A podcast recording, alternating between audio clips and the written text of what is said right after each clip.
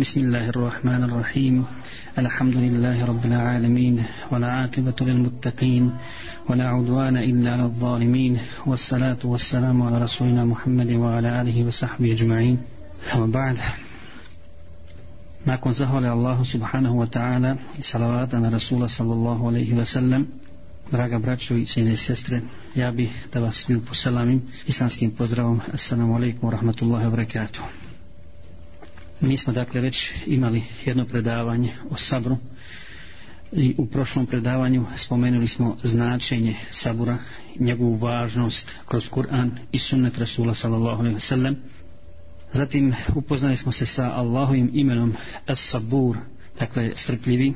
Zatim spomenuli smo vezu između strpljivosti i imana. To je dakle jedan mali rezimi onoga što smo prošli put spomenuli. A večeras inša Allah nastavljamo govoriti o sabru, odnosno o vrstama sabra ili strpljivosti. Postoji tri vrste strpljivosti. Dakle, strpljivost u ostavljanju grijeha, odnosno u stezanju od grijeha. Zatim strpljivost na životnim iskušenjima ili nedačama koja pogode čovjeka kroz njegov dunjalučki život. I treće je strpljivost u pokornosti Allahu Đalešanu. Mi ćemo, inša Allah, pokušati na temelju Kur'ana i sunneta objasniti sve tri ove vrste. Na početku ćemo samo kazati da bi nas ovo uvelo polahko u predavanje, dakle da ima ljudi da bi mogli pratiti zaista sa velikim interesovanjem i pažnjom i obratiti pažnju na naše stanje, dakle šta nama fali, zbog toga smo i uzeli ova predavanja iz, iz ahlaka i šta nam je dostaje da bi to mogli popraviti inšallah. Interesantno je da ima ljudi koji su strpljivi u iskušenjima, dakle hrabro ih podnose, dobro se drže, saburaju, ne žale se na to što je, što je zadesilo na iskušenje na kojim je Allah Đelešanuhu dao da bi ih provjerio. Međutim, kad ih duša pozove u grijeh, nemaju sabura, te lahko se odazivaju. Tu su jako slabi. To je ono što fali mnogim ljudima. Zatim ima onih koji su strpljivi u pokornosti Allahu Đelešanu i izvršavanju naredbi Oni klanjaju, poste, daju zekat, obavljaju hađ, spremni su da se odazovu u džihad, da pomognu i moralno i materijalno stvari islama. Međutim, također, lahko upadaju u grijeh. Lahko upadaju grijeh i šeitanji i njihova strast lahko navedu da učine bilo, bilo kakav grijeh. Ne mogu se, ne mogu se oduprijeti. Dakle, takav musliman i muslimanka jesu pobožni i pokorni su Allahu Đelešanu, ali padaju na ispitu kad treba da se odupru grijehu i da ostave grijehu ime Allaha Đelešanu. Ima opet oni koji su lijepog ahlaka i čuvaju se grijeha, čuvaju se grijeha, ali teško ustrajavaju u pokornosti Allahu Đelešanu. Takav čovjek je pošten ili žena, musliman i muslimanka, čedni su, lijepog su ahlaka, bogobojazni su, međutim teško ustati na sabah, teško klanjati svih pet vakata namaza, predstavlja težinu staviti hijab i ustrajati u tome i inače izvršavati sve one naredbe kojima Allah Đelšanu zadužio vjernike i vjernice. A u osnovi, dakle, radi se o poštenim i finim ljudima. Ima opet oni koji su lijepog ahlaka, sustižu se od grijeha i izvršavaju naredbe od Allaha Đelšanu, međutim, padaju na ispitu kad je u pitanju životno iskušenje.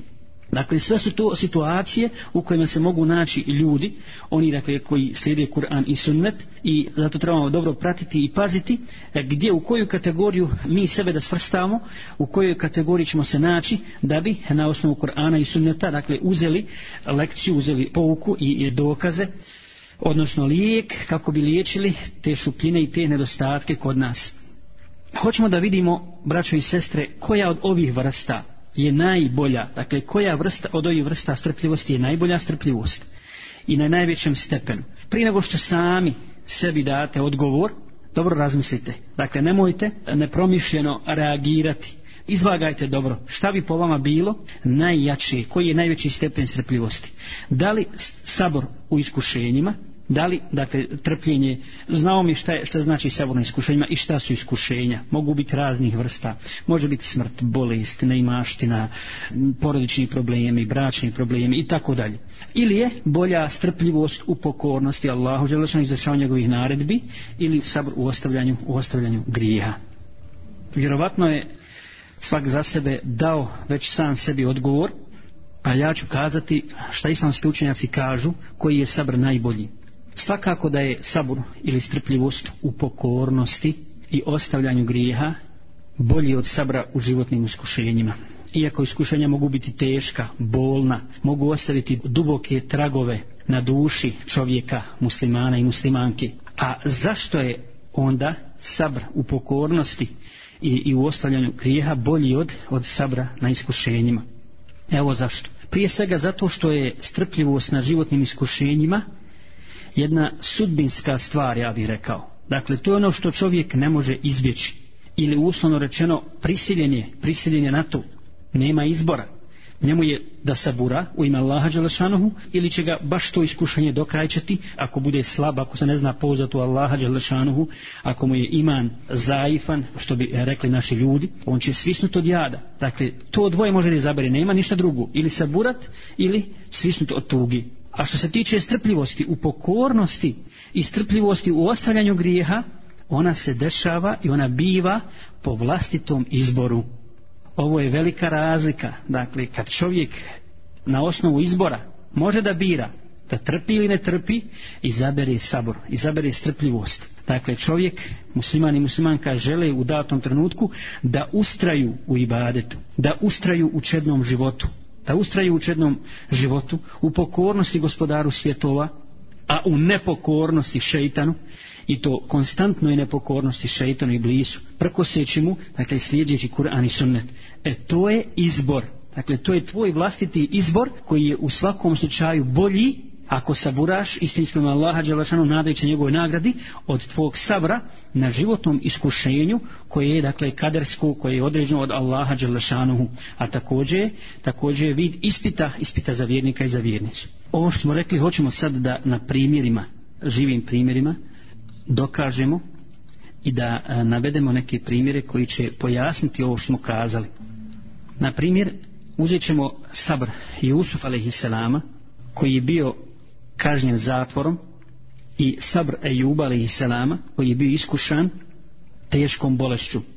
Čiji je Sabr veći i bolji? Sabr Jusuf alaihi salama u zatvoru i odbijanje zavođenja od strane namisnikove žene koja ga je navodila na grije koja je tražila da učini sa njim zinaluk u njenoj kući kada je zatvorila sva vrata i zaključala kada nikoga nije bilo znamo kakvu situaciju Jusuf nalazio znamo kakav je to izazov bio da je to bila ugledna i lijepa žena i tako dalje i Jusuf na kraju odbija i bira i zaviri tamnicu ili Sabr Ejuba alaihissalama koji je iskušan teškom bolešću, gubitkom i metka, djece, porodica ga ostavila, rodbina, prijatelji i tako dalje, nakon što je doživio tešku bolest kad mu se tijelo raspadalo, navešćemo taj primjer kasnije, Dakle, koji stepen strpljivosti i sabura je bolji? Svakako da je sabr Jusuf a.s. vrijedniji, jer je on izabrao zatvor, a mogao je da ne uđe u zatvor. Mogao je da izabere nešto drugo, da je nedo Allah učinio ono što ga je pozivala žena ovog namjesnika, ne bi došao u zatvor. Dakle, on je izabrao čestitost i pokornost Allahu Đalešanohu, čednost i nevinost, a onda nakon toga je otišao u zatvor svjesno govoreći gospodaru moj meni je draži zatvor kada mu je zaprijetila namjesnik kožena zatvorom kada zaprijetila kaznom rekao meni je draži zatvor draža mi je tamnica od onoga na što me one navodi a Ejub a.s. nije imao izbora bio dakle iskušan bolešću da bi se potvrdio njegov sabr njegova pokornost Allahu Đelešanohu i njegovo zadovoljstvo na kraju krajeva zadovoljstvo sa Allahovom odredbom koji iskušava svoje robove Allah unaprijed zna ali da se pokaže kakav je ko u tim iskušenjima jer nije dovoljno samo izgovoriti šehadet nego da se vidi kako će se postupati u praksi odnosno u životim iskušenjima također Jusufov sabr imamo drugi primjer Jusufov sabr ili Jusufov saburanje ili strpljivost u zatvoru je veći od njegovog sabra u bunaru dakle njegovog iskušenja kada su ga braća bacila u bunar jer ovo drugo on nije mogao birati braća su ga mrzila smatrali su da njegov otac daje prednost njemu i da ga više voli od njih i oni da bi se osvetili njemu i svome ocu oni su ga bacili u bunar iz kojeg se on sam nije mogao spasiti niti izvući dakle to iskušenje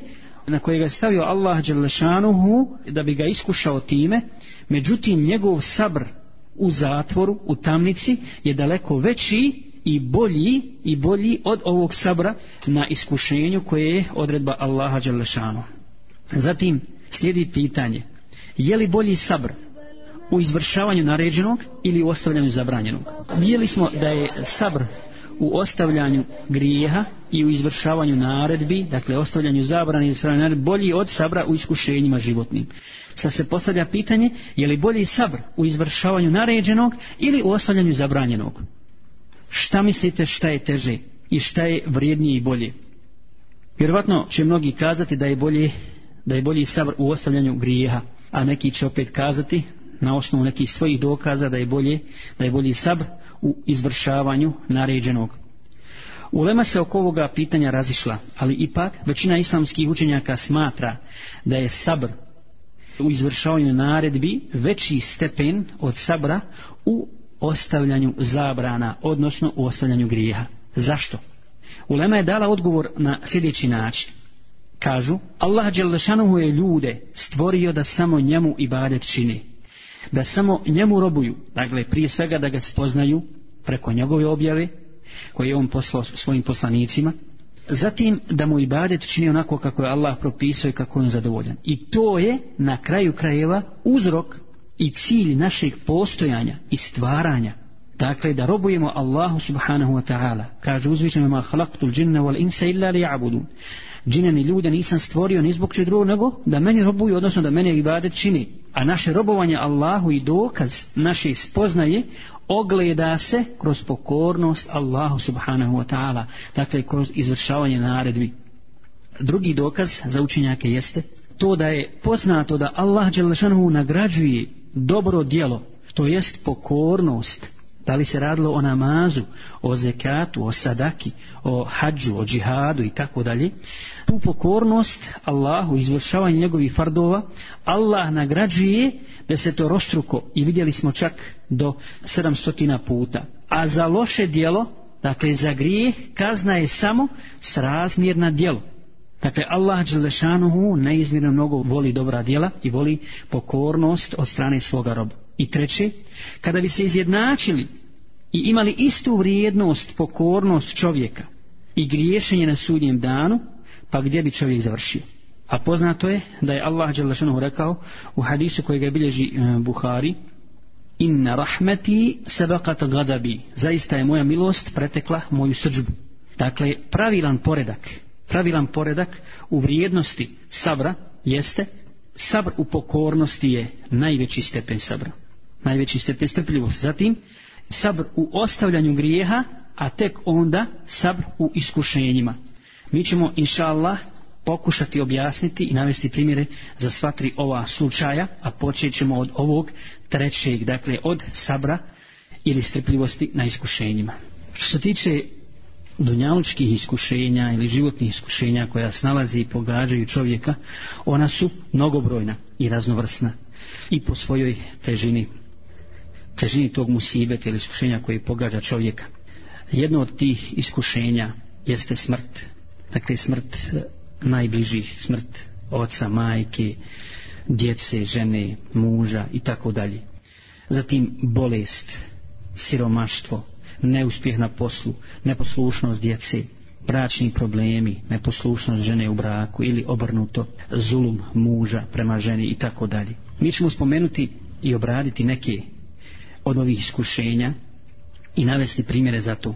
Pomenut ćemo najprije jednu predaju koju bilježi Buharija, muslim, Ahmet i Bejheki, u kojem se spominje da su žene muslimanke se žalile poslaniku sallallahu alaihi wasallam i rekle su muškarci nas pretekoše ja Rasulallah oni su u prednosti jer su stalno sa tobom dakle s tobom se druže na namazu, u mesčidu, u džihadu, držiš im predavanja, poučavaš im vjeri i tako dalje. Zašto ne bi odredio za nas žene jedan dan kad ćeš nam se obraćati i poučavati nas vjeri? Poslanik Salosalem je bio zadijeljen ovim pitanjem žena, ovim prijedlogom i on je naravno odma pozitivno odgovorio na njihov zahtjev i naredio je ženama da odredi termin pa će on doći da ih poučava vjeri tom prilikom kada su se žene okupile, kada su se žene muslimanke okupile, poslanik sa selem je na tom skupu između ostalog rekao kojoj god ženi umri troje djece, bit će joj to zastor od džehennemske vatre. Subhanallah. Pogledajte šta je rekao poslanik sa selem na tom skupu ovim ženama muuminkama, majkama koji rađaju i odgajaju djecu, odgajaju vjernike, Dakle, nema žene muslimanke kojoj umre troje djece dok je ona živa, a da joj to neće biti zastor od džehennemske vatre. To je dakle nagrada. Zato poslušaj, dobro draga majko i draga sestro, i znaj da nije isto držati ruku u vodi i u vatri. I ako je to nagrada, ako je nagrada za tvoj sabr zbog gubitka djeteta, hijab, odnosno zastor za džehennem zbog smrti dakle tvoje djece zar se nećeš strpit u ime Allaha Đalašanohu da bi dobila tu nagradu u drugom hadisu kojeg bilježi Tirmizi poslanik Alehi Selam kaže kada čovjeku dakle bilo ocu ili majici umri dijete Allah subhanahu wa ta'ala kaže melekima jeste li uzeli dijete mome robu a oni odgovore jesmo gospodaru onda ih Allah upita jeste li uzeli plod njegovog srca? A oni odgovore, jesmo gospodaru. I šta kaže moj rob na to upita ih Allah Đelešanuhu, a Allah najbolje zna šta on kaže. Pa meleki odgovore, zahvaljuje ti gospodaru. I sabura ponavljajući riječi, inna lillahi wa inna ilaihi rađi'un. Svi smo Allahovi i svi se njemu vraćamo. A onda im Allah kaže, sagradite mom robu kuću u džennetu i nazovite je Bejtul Hamd, kuća zahvale. Razmislite, braćo i sestre, o riječima Allaha Đalašanuhu, jeste li to uzeli plod njegovog srca? Dakle, jeste li uzeli plod njegovog srca? Koja je to nježnost, koja samilost i to kada? U kojem trenutku? U trenucima teškog iskušenja – teškog iskušenja čiju tegobu i težinu znaju samo roditelji koji su ostajali bez djece. I šta to govori? Ovo nam govori o većini i težini iskušenja i nagradi za strpljivost i za sabr prilikom takvog iskušenja. I ako se strpiš, brate i sestro, na takvom iskušenju s kojim te Allah iskuša na dunjaluku, neka ti je prijatno uživanje u kući hamda, u kući zahvale koji je Allah Đelešanohu pripremio za tebe u džennetu. Iskušenje koje često pogađa ljude na dunjaluku jeste bolest. To je musibet i teško iskušenje kada čovjek izgubi dio tijela ili oboli jedan od njegovih vitalnih organa ili psihički oboli.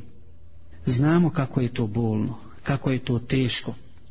Zato s velikom pažnjom poslušajte sljedeći hadis i dobro razmislite o njegovoj poruci i pouci ili njegovim porukama i poukama bolje je tako reći. Ovaj hadis bilježi Buharija, Muslim i Ahmed od Ata ibn Rabbaha koji kaže da ga je jednog dana sreo Abdullah ibn Abbas i upitao želiš li da vidiš ženu stanovnika dženneta? Dakle, želiš da vidiš ženu koja će biti stanovnik dženneta? A ta Ibn Rebah je odgovorio, svakako. Pa mu je rekao Ibn Abbas, to je ova crna žena, dakle crnkinja. Došla je jednog dana poslaniku sallallahu alaihi ve sellem i rekla, Ja Rasulallah, ja imam padavicu i u nastupu padavice otkrivam svoje tijelo, dakle skidam svoju odjeću u neznanju, pa moli Allaha Đalašanovu da me izliči. A poslanik sallallahu alaihi ve sellem joj reče, ako hoćeš ja ću moliti Allaha Đalešanu da te izliči a ako hoćeš strpi se i džennet je tvoj šta je odgovorila ova žena imala je izbor poslanik Salaam joj je pružio mogućnost ili da uputi dovu Allahu za nju pa da je izliči Allah od ovoj bolesti ili da sabura na tome pa da joj to bude garancija za ulazak u džennet ona je čvrstočom svoga imana, potpuno sigurno, odgovorila, bez imalo kolebanja, Ja Rasulallah, ja izabirem sabr. Izabirem sabr, posle kojeg je džennet. Ali moli Allaha Đalešanuhu da me sačuva od krivanja tijela. To jest, moli Allaha da me sačuva kad dođe taj nastup bolesti, kad nastupi padavica i ja nisam svjesna šta radim, da ne skidam svoju odjeću i da ne otkrivam svoje tijelo. Pa je poslanik sallallahu alejhi ve sellem molio za nju i padavica je ostala, ali nije skidala odjeću u toku nastupa padavici. Razmisli, dakle, o ovom velikom hadisu i velikom primjeru istinske muminke i sljedećim riječima Abdullaha ibn Abbasa, kada je rekao Atabi Rabbahu, to je crna žena, dakle crnkinja. I o riječima, poslanika sa selem, ako hoćeš strpi se, i njenim riječima, ja izabirem sabr razmisli o odgovoru te žene i njenom stidu i njenom stidu zbog otkrivanja njenog tijela u neznanju kad nastupi ta teška bolest pa uporedi sestro njen stid sa stidom odnosno bestidnošću onih muslimanki koje danas nažalost bez padavice po vlastitom izboru sasvim svjesno skidaju svoju odjeću i razgoličavaju se džahilijeskim razgoličavanjem koje je daleko gore nego ono razgoličavanje u toku padavice. Poslušaj zatim hadisi kuci u kome Allah Đalešanuhu kaže Kada moj rob bude iskušan sa dvoje voljenih ili sa svoja dva miljenika misleći na oči pa se strpi zamjena za to mu je džennet ovaj hadis bilježi Buharija Tirmizi i Ahmed i razmisli o ovom opisu i riječima dvoje voljenih to su najdraži organi čovjeku u njegovom tijelu i ti osjećaš u ovim izrazima da je to veliko iskušenje i zato je prožito Allahovom milošću Allahovim rahmetom njegovim oprastom i nagradom a nagrada je džennet ako se čovjek strpi na takvom iskušenju. Nakon slušanja ovih hadisa i razmišljanja o njima, vidjet ćeš sebe, inša Allah, u bolesti sasvim drugačijim ili sasvim drugačijom.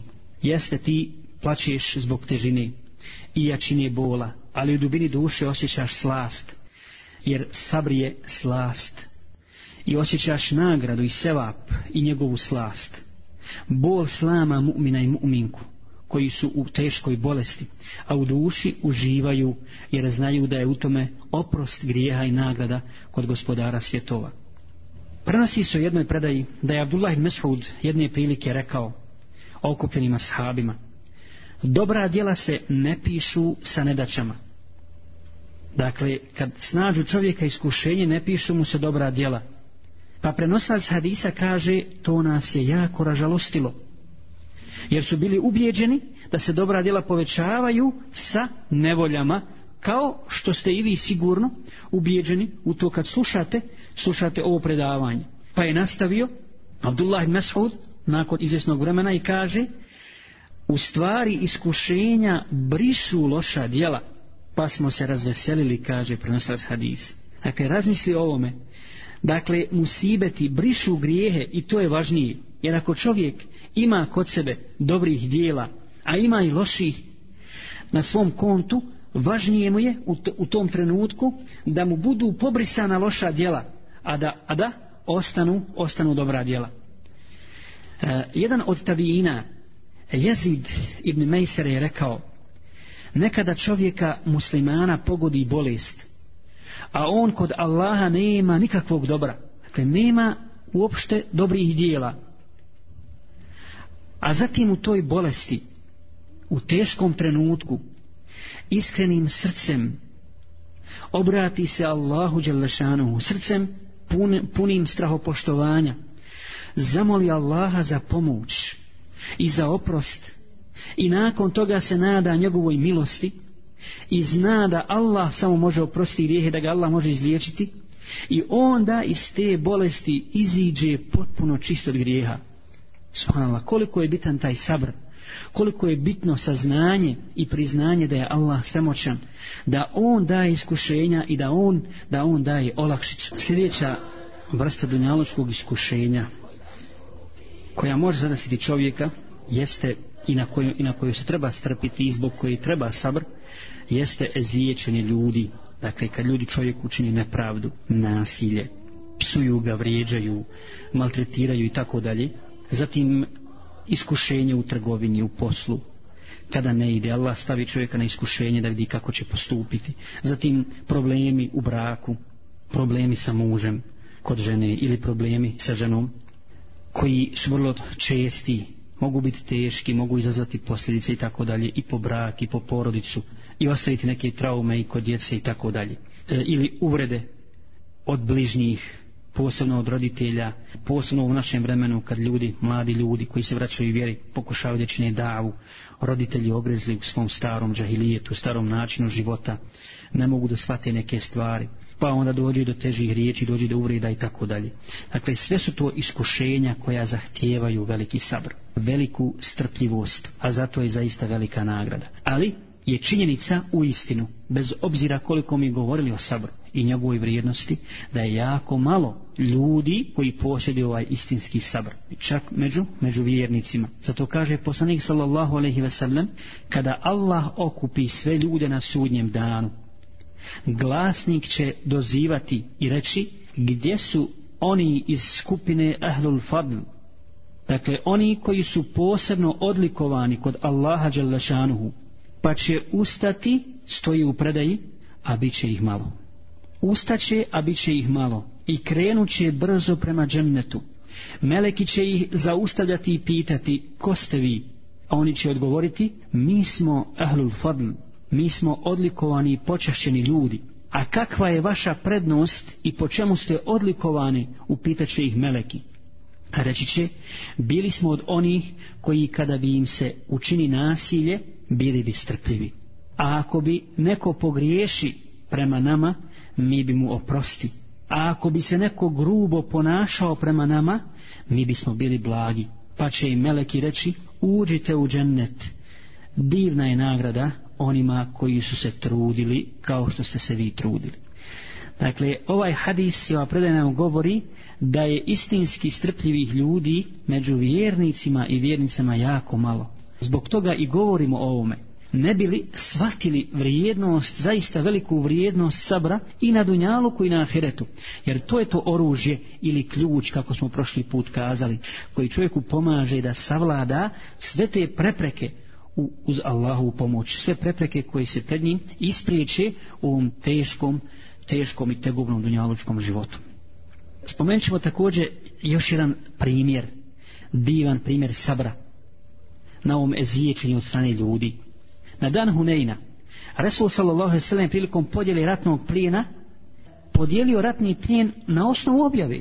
Dakle, kako mu je Allah žan objavio? Tako da je rangirao neke ljude, odnosno na drugi. Pa je jedan čovjek, poslanik sallam je naravno dao a, više ratnog plijena onima koji su tek ušli u vjeru, da bi pridobio njihova srca dakle posle osvajanja Mekke desio se Hunain ljudi su nakon osvajanja Mekke u skupinama ulazili u vjeru u Allahu i kako kaže Allah Đelešanohu pa jedan čovjek rekao nakon podjele jedan munafik ovo nije pravedna podjela i sa ovim se ne želi Allahovo zadovoljstvo Abdullah Mesud je bio u društvu s tim čovjekom kada je to rekao pa je rekao tako mi Allaha prenjeću u Allahovom poslaniku I onda je otišao i kazao Allahom poslaniku šta je ovaj čovjek rekao za njega, za njegovu podjelu.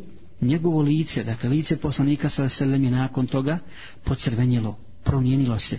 Jednostavno, haj zamislite sad sebe u takvoj situaciji kada znate da ste sigurno pravedno presudili ili pravedno postupili u određenoj situaciji i onda neko da bi vas ocrnio dođe i kaže ovo je nepravedna podjela a vi znate da niste ni jednu trunku nepravde učinili šta biste uradili i odnosno šta bismo mi uradili a poslanik sallallahu šta je on uradio kako je reagovao mada je se promijenilo njegovo lice rekao je ko je pravedan ako nije pravedan Allah subhanahu wa ta'ala i njegov poslanik sallallahu alaihi wasallam dakle to je podjela po Allahovoj naredbi po Allahovoj objavi neka se Allah smiluje mom bratu Musa'u Musa alaihi salamu Musa on je gore ezijećen, gore je ezijećen napadan pa je bio strpljiv.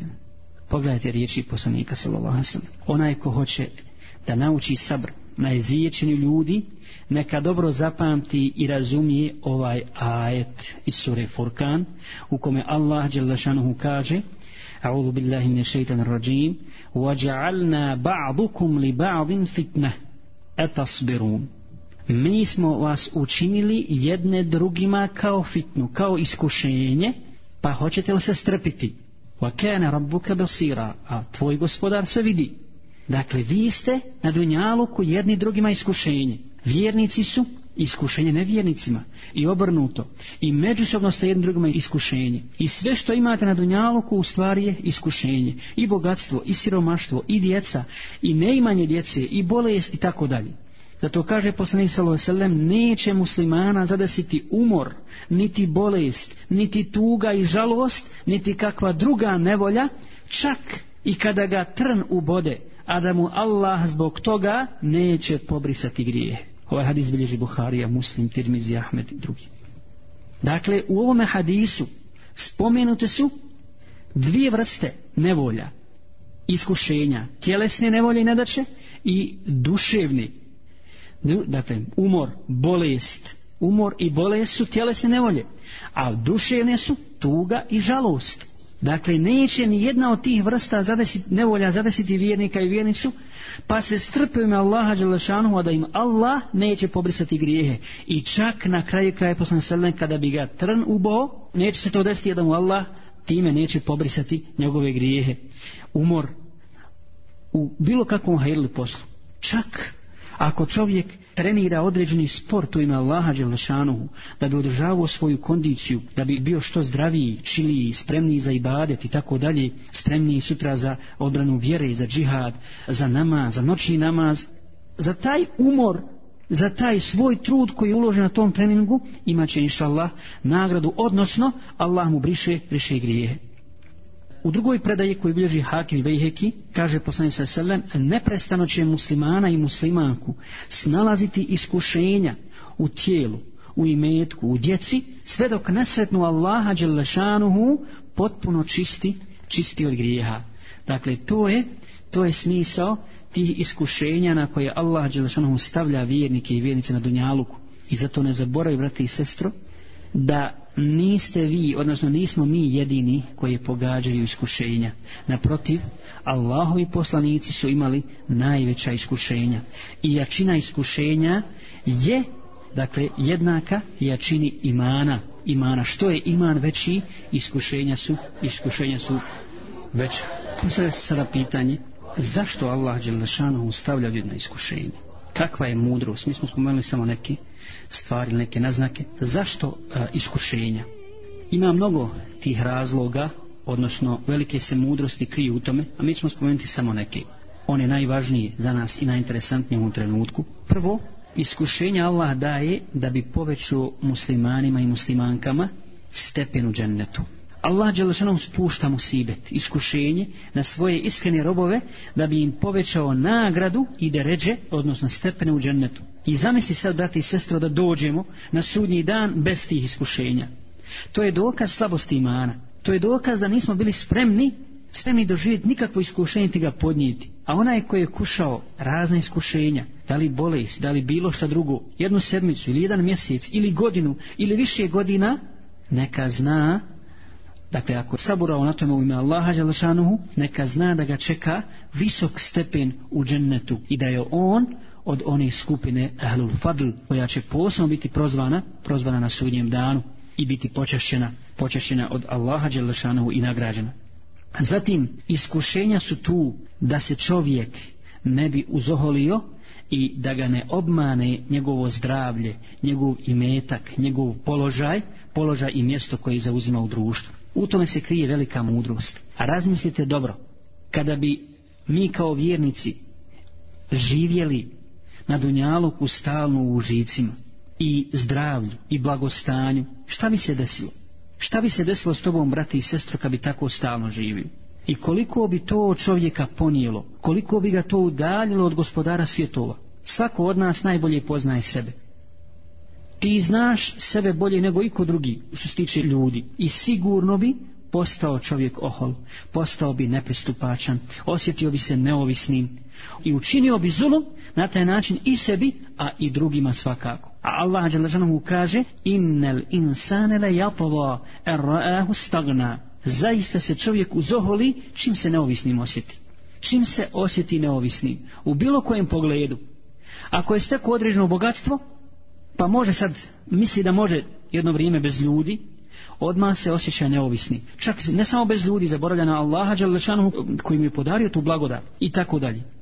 Zatim, sljedeća mudrost zašto iskušenja jeste da bi čovjek, vjernik i vjernica žudjeli što više za džennetom. Što čovjek više kuša gorčinu dunjalučkog života, više i njegova duša čezni za džennetom i susretom sa svojim gospodarom, susretom sa Allahom Đelešanuhu i Allahim obećanjem, odnosno nagradom, džennetom koji je Allah obećao istinskim vjernicima. A ako je sve potaman u životu na dunjaluku, Dakle, i zdravlje, i bogatstvo, i brak, i, i djeca, i posao, i tako dalje, onda kako će čovjek u takvoj situaciji razmišljati, razmišljati o džennetu, razmišljati o ahiretu i kako će razborito razmišljati o svemu. Malo je onih dakle, koji imaju sve te blagodati, a koji su na pravi način iskoristili, a da ih to nije zavelo i odvelo ona sa puta uputi. Zatim, sljedeći razlog spuštanja iskušenja jeste da čovjek ne zaboravi na Allaha Đelešanu. Iskušenje i belaji posjećaju te na Allaha koji je gospodar i vlasnik svih blagodati i to bude uzrok, dakle, tvoje zahvale Allahu na njegovim blagodatima i zadovoljstvo sa njegovom odredbom i tako da ga nikada nećeš, nikada nećeš zaboraviti. Zatim, spoznaja da je Allah da je samo Allah sve moguć i jak Preko tog iskušenja mi upoznajemo Allahu u svemoć i snagu. Tu se pokazuje njegovo svojstvo svemoći i milosti. On ti daje iskušenje i izbavlja te iz njega. Dakle, niko te drugi ne može izbaviti, niti izliječiti, niti spasiti određenog belaja, osim Allaha Đelešanu koji te stavi na to iskušenje. I on zna i vidi, vidi tebe, vidi svoga roba, kako se ponaša i šta radi u datom trenutku. Dakle, to je dokaz Allahove, zatim, to je dokaz Allahove ljubavi prema njegovim robovima. U hadisu koje ga bilježi Tirmizi, poslanik sallallahu sallam kaže Inna Allahe idha habba qawman ibtalahum. Kada Allah djelašanuhu zavoli neke ljude, oni iskuša, stavi ih, dakle, na iskušenje. Mi smo malo prije rekli da su Allah i poslanici imali najveća iskušenja pa poslušajmo kako su Allahovi poslanici ili neki od njih postupali u tim iskušenjima. Spomenut ćemo braćo i sestre Ejuba alaihi salama, koji je živio 80 godina, kako stoji u nekim predajama, i Allah Đalešanu mu je podario 14 djece, muške i ženske. Bio je dobrog zdravlja, ljudi su ga voljeli, poštivali. Nakon toga, Allah Đalešanu je htio da sva njegova djeca umru. Dakle, sve i jedno dijete mu je umrlo. Zatim se Ejub a.s. razbolio teškom bolešću, toliko da je postao nepokretan, bio je vezan za postelju, tijelo mu se počelo raspadati i ljudi su ga polahko počeli napuštati i bježati od njega, svi pa i njegovi najbliži, odnosno njegove žene. Sa njim je ostala samo jedna njegova žena, koja je saburala i na tom iskušenju i pomagala mu, pomagala mu u najtežim trenucima. On je u takvom stanju kako dolazi u nekim predajama, bio 18 godina. Zamislite to, ko bi od nas mogao izdržati takve bolove, toliku tegobu 18 godina? I žena mu je da bi zarađivala za hranu, da bi kupovala hranu, sav imetak ono što je preostalo od imetka u kući sve je rasprodala. Na kraju, na kraju mu je rekla, zašto, Ejube, ne uputiš dovu Allahu Đelešanu da ti pomogne, da te izliječi, A šta je on odgovorio? Rekao je, stidim se moga gospodara. Znaš li da sam 80 godina bio zdrav? I kad napunim 80 godina u bolesti, onda ću inša Allah putiti do Allahu Đelešanu da me izliči. Njegova žena je na kraju, da bi dakle kupila nešto hrane, prodala čak svoje pletenice, svoju kosu, da bi donijela nešto u kuću. I tada, Ejub alaihissalam upućuje dovu Allahu Đelešanuhu I kako? Kako upućuje dovu? Ili rekao gospodaru, ja sam 18 godina saburao. Zašto si mi stavio na ovakvo iskušenje? A radi čega? I tako dalje. Nije, nije to rekao, nije to rekao Ejub alaihissalam, nego šta je rekao? Rekao je, Anni masani durru wa anta arhamur rahimin. Gospodaru, mene je snašlo iskušenje, dakle, te goba, a ti si od milostivih najmilostivih. Dakle, ja sam u teškom halu, a ti opraštaš grijehe i ti daješ izlječenje. Ni opet direktno molio i rekao gospodaru izliječi me. Nego, mene je nevolja snašla, a ti si od milostivih najmilostiviji. I kakav je bio odgovor braća i sestre gospodara svjetova? Ona džajnahu, kaže Allah, ona džajnahu minel gam. I mi ga spasismo iz tog iskušenja, iz te nevolje. Wa atajnahu ahlahu wa mithlahum ma'hum. I dali smo mu njegovu porodicu, odnosno njegovu djecu i još toliko. U nekim predajama stoji da mu je Allah podario 28 djeci. Dakle, duplo više nego što je imao. I vratio mu je zdravlje i izobilje u kojem je prije, u kojem je prije živio. Dakle, kakav je to primjer sabra? Da to nije bilo veliko iskušenje i veliki primjer sabra, ne bi ga Allah spomenuo u Kur'anu, dakle nakon toliko hiljada godina koliko je prije nas živio Ejub a.s. veliko i Allah na kraju kaže u Kur'anu spominje njegov slučaj u jednom ajetu inna wajadnahu sabira mi smo vidjeli da je on strpljiv ni'mal abd divan je on robio innahu awab i mnogo se kajao dakle dozivo Allaha dželle šanehu zikrio spominjao gospodara svjetova i nikad ga nije, nikad ga nije zaboravio i bolest ga nije spriječila od toga. I kad god te, brate ili sestro, pogodi iskušenje, sjeti se Ejuba ali i Selama i njegovog iskušenja i njegove, njegove bolesti. Zatim, sjetimo se iskušenja Jusufa ali i Selama. Razmislite, braćo i sestre, o iskušenju Jusufa, koji je bio odvojen od svojih roditelja kao dječak. Odveden od svoje kući, 20 godina kako stoji u nekim predajama. Zamislite i razmislite o mržnji njegove braće prema njemu, o bacanju u bunar, zatim o robstvu u tuđoj državi, gdje je postao rob nakon što je bio, kako kaže poslanje sa sallam, Kerim, Ibnul Kerim, Ibnul Kerim, Ibnul Kerim. Dakle, plemeniti sin plemenitog, sin plemenitog, sin plemenitog. Sin Jakub alaihi on sin Ishaka, ovaj sin Ibrahim alaihi salama ali je Jusuf a.s. izdržao svata, svata iskušenja. Vjerovatno će mnogi od vas reći, pa dobro, spominjete primjere Allahovih poslanika. Nije Allah počasti objavom, oni su bili poslanici i zato su imali najveće iskušenja, ali su zato mogli izdržat, izdržat ta iskušenja. Dakle, oni su na većim deređama, na većim stepenima od nas i za nas je to nedostižno. Zato ćemo navesti primjer ne poslanika, nego ashaba. Jednog od ashaba koji se zvao Imran ibn Husein, koji je obolio od teške bolesti. Bio je pao na postelju i okupili su se ashabi oko njegove postelje i posmatrali njegove tegobe, njegovu bol koja se odražavala na njegovom licu. Kad je on to vidio, kad je vidio koliko ga sažalijevaju i mole Allaha za njega, on je rekao, ma ahabbahu Allah ahbabtuhu ono što voli Allah i ja volim. Dakle, Allah voli za mene ovo. Allah mi je stavio na iskušenje da bi me nagradio i da bi me oprostio grijehe i ja uživam u ome i ja saburam i ja volim ono što, što mi je Allah odredio, odnosno ono što Allah voli. Reće neko, on je bio ashab, a ashabi su najbolja generacija, a ja sam obični smrtnik. Mi smo obični smrtnici, nismo dakle iz te generacije i ne možemo ih nikad dostići ali poslušaj brate i sestro zatim priču o običnom insanu odnosno o čvrstoj vjernici o muminki, muslimanki kojoj je usred teške bolesti bila osjećena ruka kakav je to bol i kakav gubitak znaju samo oni koji su ostali bez tog organa odnosno bez tog dijela svoga tijela kad su joj osjekli ruku nasmijala se pitali su je prisutni, zar ne osjećaš bol?